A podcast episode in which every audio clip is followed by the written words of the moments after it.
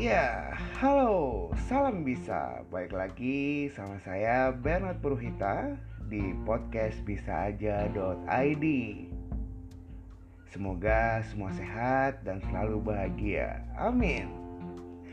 Malam ini saya akan berbicara sendiri dan ngobrol dengan kalian semua para pendengar tentang kecemasan. Ya, podcast kali ini saya bakal ngebahas tentang apa itu kecemasan dan bagaimana kita menjadi cemas dan apa sih yang bisa menghilangin kecemasan di diri kita. Nah, sebelum kita ngebahas tentang apa itu kecemasan, coba yuk kita ingat-ingat. Aku pengen ngajak kalian para pendengar untuk mengingat-ingat momen-momen di mana teman-teman pernah ngerasa cemas. Mungkin bisa aku kasih contoh nih. Pernah nggak kalian teman-teman ngerasa bingung, ngerasa takut waktu nunggu ojol kalian ngejemput kalian, waktu kalian udah keburu ke kantor, ke kampus, atau ke mana pun kalian butuhkan. Pernah nggak? Yo, mungkin selanjutnya ada yang pernah ngerasa bingung, ngerasa takut, ngerasa yang aneh-aneh ketika kita lagi nungguin chat gebetan entah nungguin chatnya doi atau nunggu balasan doi waktu kita udah ngechat ayo coba diinget-ingat yang ketiga mungkin aku bisa kasih bantuan contoh ya. Pernah nggak nih buat teman-teman yang di semester semester akhir nih di tugas akhir nih nunggu respon chat dari pembimbing kalian dari dosen pembimbing kalian? Kalian ngechat ngajak janjian pengen bimbingan ya kan? Tapi nggak dibalas-balas sama dosen kalian Pernah nggak ngerasa sangat tertekan, sangat bingung, sangat takut kalau nggak bisa lulus Cuman gara-gara kalian nggak dibalas sama dosen pembimbing kalian Ayo, ada yang pernah nggak? Lanjut, misalkan nih Ada yang lupa Tiba-tiba lupa deh, tiba-tiba lupa naruh kunci motor apa mobil di mana. Tuh, pagi-pagi mau berangkat sekolah, mau berangkat kantor, mau berangkat ke mana aja lah. Kita tiba-tiba lupa aja naruh kunci kita di mana. Tuh padahal udah kita ngerasanya udah di tempat biasa. Udah di tempat kunci di tempat tertentu yang kita biasa naruh kunci tiba-tiba hilang gitu aja ngerasanya. Tuh ya kan? Padahal udah dikantongin. Ada yang pernah? Nah coba diinget-inget selanjutnya nih contoh kasus nih. Ada yang pernah apa enggak buat teman-teman yang berkacamata nih yang yang ngedengerin podcast ini yang pernah ngalamin lupa naruh kacamata padahal kacamata udah di depan mata. Kacamata udah di kuping kacamata udah di atas kepala. Ayo siapa yang pernah tiba-tiba lupa? Coba diingat-ingat. Nah itu teman-teman semua hal-hal macam itu perasaan-perasaan macam itu yang disebut dengan momen-momen kita cemas. Kita ngerasa nggak bisa nyampe kantor dengan tempat waktu. Kita ngerasa bakal dimarahin sama bos kita di kantor gara-gara kita telat ya kan? Kita ngerasa kehilangan gebetan gara-gara kita nggak dibalas-balas padahal baru semenit padahal baru dua menit ya kan? Kita ngerasa nggak bisa lulus tepat waktu gara-gara kita ngechat dosen pembimbing kita kita nggak kebalas padahal dosennya lagi rapat ya kan? Kita tiba-tiba kehilangan kunci mobil kita tiba-tiba kehilangan kunci motor padahal itu kunci udah di kantong ya kan? Dan kita ngerasa kehilangan kacamata kita padahal udah di depan mata kita. Ketika kita keburu. Nah tuh. Itu adalah perasaan-perasaan uh, sorry itu adalah momen-momen cemas yang disebabkan oleh perasaan kita yang tertekan. kita yang overthinking. Nah, overthinking. Di sini kita ngebahas cemas, aku ngebahas cemas. Bagaimana cemas itu bersumber dari sebuah overthinking kita. Nah, teman-teman, uh, perlu kalian tahu dan ini informasi aja buat kalian. Ya, yeah, menurut beberapa uh, ahli psikologi mengatakan bahwa memang kecemasan adalah sebuah ketakutan yang tidak nyata, ya kan? Kita pesen ojol nggak datang datang yang kepikiran kita bukan tentang ojolnya kenapa kenapa tapi malah kita takut ntar sampai kantor kita dimarahin SPV kita kita dimarahin bos kita kita dimarahin manajer kita gara kita telat ya kan jauh banget over banget. Padahal urusan kita saat itu adalah dengan ojol. Kenapa kita nggak mikir ini kenapa ojol telat ya? Apa gara-gara dia apa ban bocor apa gimana? Tapi pikiran kita malah jauh banget ke sana. Padahal urusan kita saat itu hanya dengan kita dengan ojol itu misalkan. Kayak gitu. Kenapa kita mikirnya di kantor?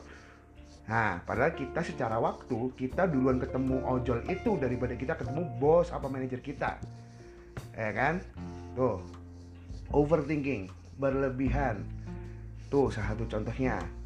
Selanjutnya, contoh misalkan uh, kayak yang kita kehilangan kacamata kita padahal itu kacamata di depan mata kita tiba-tiba hilang gitu aja ya kan gara-gara kita ngerasa keburu-buru kita ngerasa ngerasa uh, dikejar waktu kita jadi lupa hal-hal yang dekat dengan kita kita jadi fokus ke hal lain yang jauh di depan mata kita. Dan itu sangat tidak aman untuk kita ya kan? Kita sepakat bahwa kita harus fokus terhadap apa yang dekat dengan kita. Yang jauh akan tercapai ketika kita fokus dengan step by step apa yang ada di depan kita. Oke kita setuju dengan itu? Nah sekarang coba teman-teman. Aku pengen ngajak teman-teman pendengar buat ingat lagi kita bermain ingatan kita. Ingatlah momen di mana teman-teman pendengar ngerasa cemas apa pun momennya. Coba ingat-ingat yuk ngerasa cemas ngerasa takut ngerasa tertekan ngerasa nggak nyaman, ngerasa bingung, ngerasa galau, apa pun. Silakan teman-teman mencoba mengingat momen itu. Nah, pasti ada. Coba diinget-inget. Dah? Udah ingat? Nah, sekarang teman-teman di bayangan teman-teman ketika mengingat momen itu, coba apa yang dirasain? adakah kegalauan, adakah ketakutan, adakah uh, perasaan yang tidak stabil, adakah adakah jantung yang berdegup kencang, adakah perasaan yang tidak jelas ini perasaan apa? Nah, coba diingat-ingat. Oke, saat itu teman-teman sedang dalam momen apa yang membuat teman-teman sangat tertekan, sangat tidak nyaman, jantung berdegup kencang, keringat dingin muncul, dan Anda dan teman-teman semua sangat merasa takut pada momen itu. Kalau bahasa zaman sekarang stuck at the moment. Nah, kebetulan momen itu momen yang jelek kayak gitu. Nah, nah itu teman-teman apa yang teman-teman rasakan sekarang ketika kalian mengingat-ingat itu tadi coba diingat-ingat itu teman-teman sedang merasakan yang pertama. Pasti ngerasa tidak menyenangkan merasa khawatir merasa prihatin dengan kondisi teman-teman sekarang. Kok aku kayak gini ya? Kok aku di sini ya? Kok aku ngerasa kayak gini ya? Nah dan ada muncul rasa takut. Ya dan itu adalah uh, penjabaran yang muncul dari dari seorang tokoh psikologi bernama Atkinson. Ya, menurut Atkinson memang uh, yang muncul ketika kita cemas adalah yang pertama adalah perasaan tidak menyenangkan, yang kedua adalah tentang kekhawatiran yang muncul, yang ketiga adalah prihatin terhadap diri sendiri, dan yang terakhir adalah tentang kita munculnya rasa takut. Jadi kita takut mau ngapa-ngapain. Nah, tuh bener nggak kira-kira teman-teman? Nah, kalau benar, kalau emang setuju udah benar, sekarang lanjut. Yuk, kita coba inget-inget lagi apa yang teman-teman lakuin saat itu. Nah, yuk coba diinget-inget lagi uh, apa yang teman-teman lakukan saat itu. Ketika teman-teman sudah dalam keadaan yang sangat cemas, teman-teman dalam keadaan yang sangat menakutkan, teman-teman dalam keadaan yang sangat uh, beresiko untuk teman-teman mungkin sangat mencemaskan saat itu. Coba diingat-ingat apa yang teman-teman lakukan untuk menghilangkan itu. Oke, mungkin bisa aku bantu untuk mengingat uh, apakah teman-teman saat itu memilih untuk melihat hal-hal yang baik untuk mata Anda. Teman-teman mencari pandangan yang luas, mungkin melihat langit, melihat tumbuh-tumbuhan yang hijau, melihat kembang-kembang yang berwarna-warni, atau mungkin mencari pandangan ke orang-orang, ke wajah-wajah yang tersenyum pada Anda. Coba diingat-ingat. Nah, oke. Kalau udah diingat, selanjutnya, apakah saat itu teman-teman uh, di pendengarannya memilih untuk mendengarkan musik, uh, mendengarkan obrolan orang-orang di sekitar anda yang baik-baik, mengajak ngobrol uh, teman-teman sekeliling anda, sekeliling kalian, ataukah menelpon orang-orang terdekat kalian, telepon orang tua, telepon pacar, telepon gebetan, telepon pasangan, untuk sekedar memiliki pendengaran-pendengaran masukan yang baik dari mereka. Nah, coba diingat-ingat. Nah, kalau iya, oke lanjut. Apakah teman-teman juga mencari situasi di mana suhu di ruangan itu, suhu di tempat teman-teman itu nyaman untuk kalian? Misalkan nih kalian lagi cemas kalian tuh nggak suka tempat tempat yang panas kalian cari tempat ber AC kalian nggak suka tempat panas kalian cari tempat deket kipas angin. Kalian nggak suka tempat dingin kalian keluar ruangan kalian cari kehangatan. Tuh siapa yang kayak gitu? Kalian nggak suka dingin kalian keluar cari matahari. Tuh siapa yang kayak gitu Nah, itu kan. Nah, itu yang pertama. Ketika kita mengingat hal-hal yang menyenangkan untuk kita, sudah ketemu teman-teman? Kita memandangi, apakah kita memandangi hal yang baik untuk kita? Apakah kita melakukan pencarian terhadap suara-suara yang baik untuk telinga kita? Apakah kita juga mencari hal-hal baik untuk kita rasakan di kulit kita?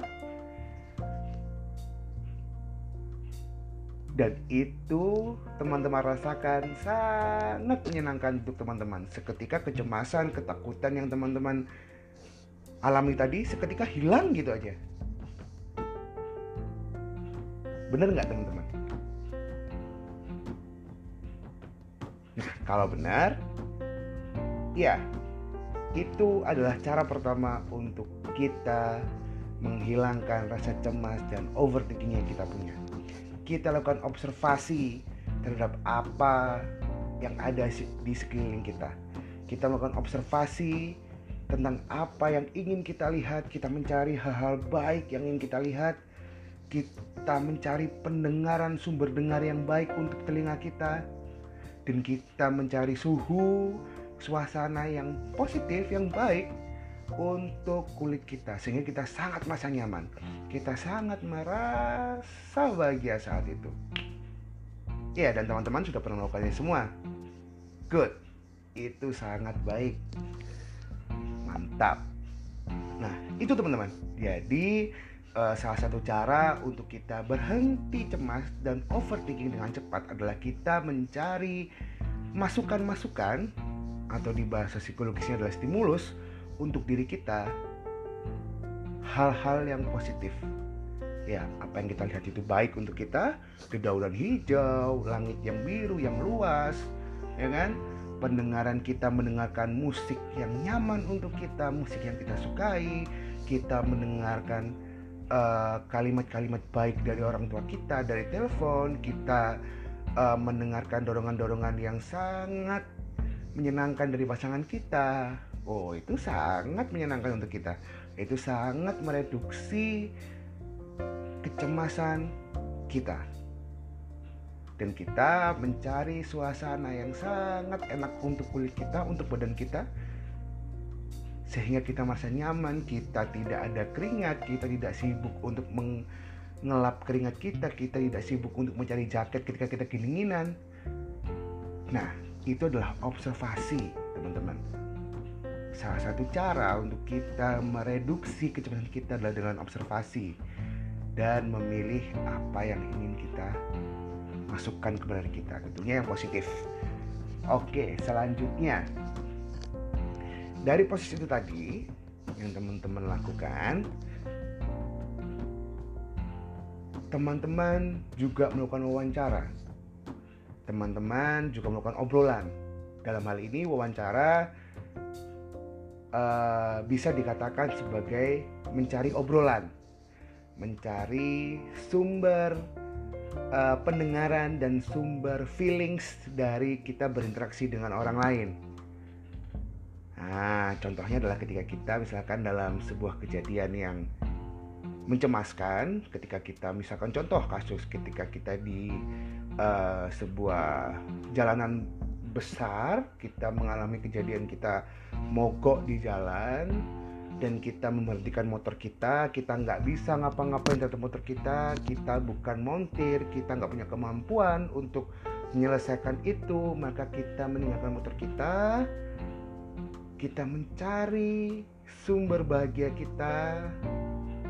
Misalkan kita yang suka keadaan yang dingin maka kita cari warung untuk kita beli es sehingga kita merasa dingin kita merasa nyaman. Dan pada akhirnya kita ngobrol dengan orang-orang di situ, kita mencari informasi, kita mencari uh, sumber masukan baru untuk telinga kita, kita ngobrol, kita memberikan uh, informasi bahwa keadaan kita seperti ini dan kita berharap uh, orang-orang itu memberikan informasi yang baik untuk kita. Dan tiba-tiba seketika kecemasan Anda hilang, kecemasan ketika uh, Anda tidak bisa pulang, motor Anda mogok, Anda tidak bisa sampai rumah tepat waktu dan lain sebagainya. Seketika hilang ketika teman-teman mencoba untuk berkomunikasi dengan orang-orang sekitar Anda saat itu. Di jalanan itu Anda ngobrol dengan orang warung mungkin, ngobrol dengan orang yang lewat mungkin atau bagaimana yang teman-teman rasakan sangat nyaman saat itu. Itu menyenangkan sekali bukan? Nah, ya itulah selain observasi teman-teman juga bisa dengan wawancara yang positif teman-teman mencari orang-orang sumber-sumber informasi yang menyenangkan untuk teman-teman telepon orang tua tadi telepon pasangan kita ngobrol kita mencari masukan-masukan positif sekali lagi dari mereka. Sehingga teman-teman sangat merasa nyaman. Ya di akhir obrolan saya kali ini tujuan dari kita menghilangkan cemas adalah kita mendapatkan rasa nyaman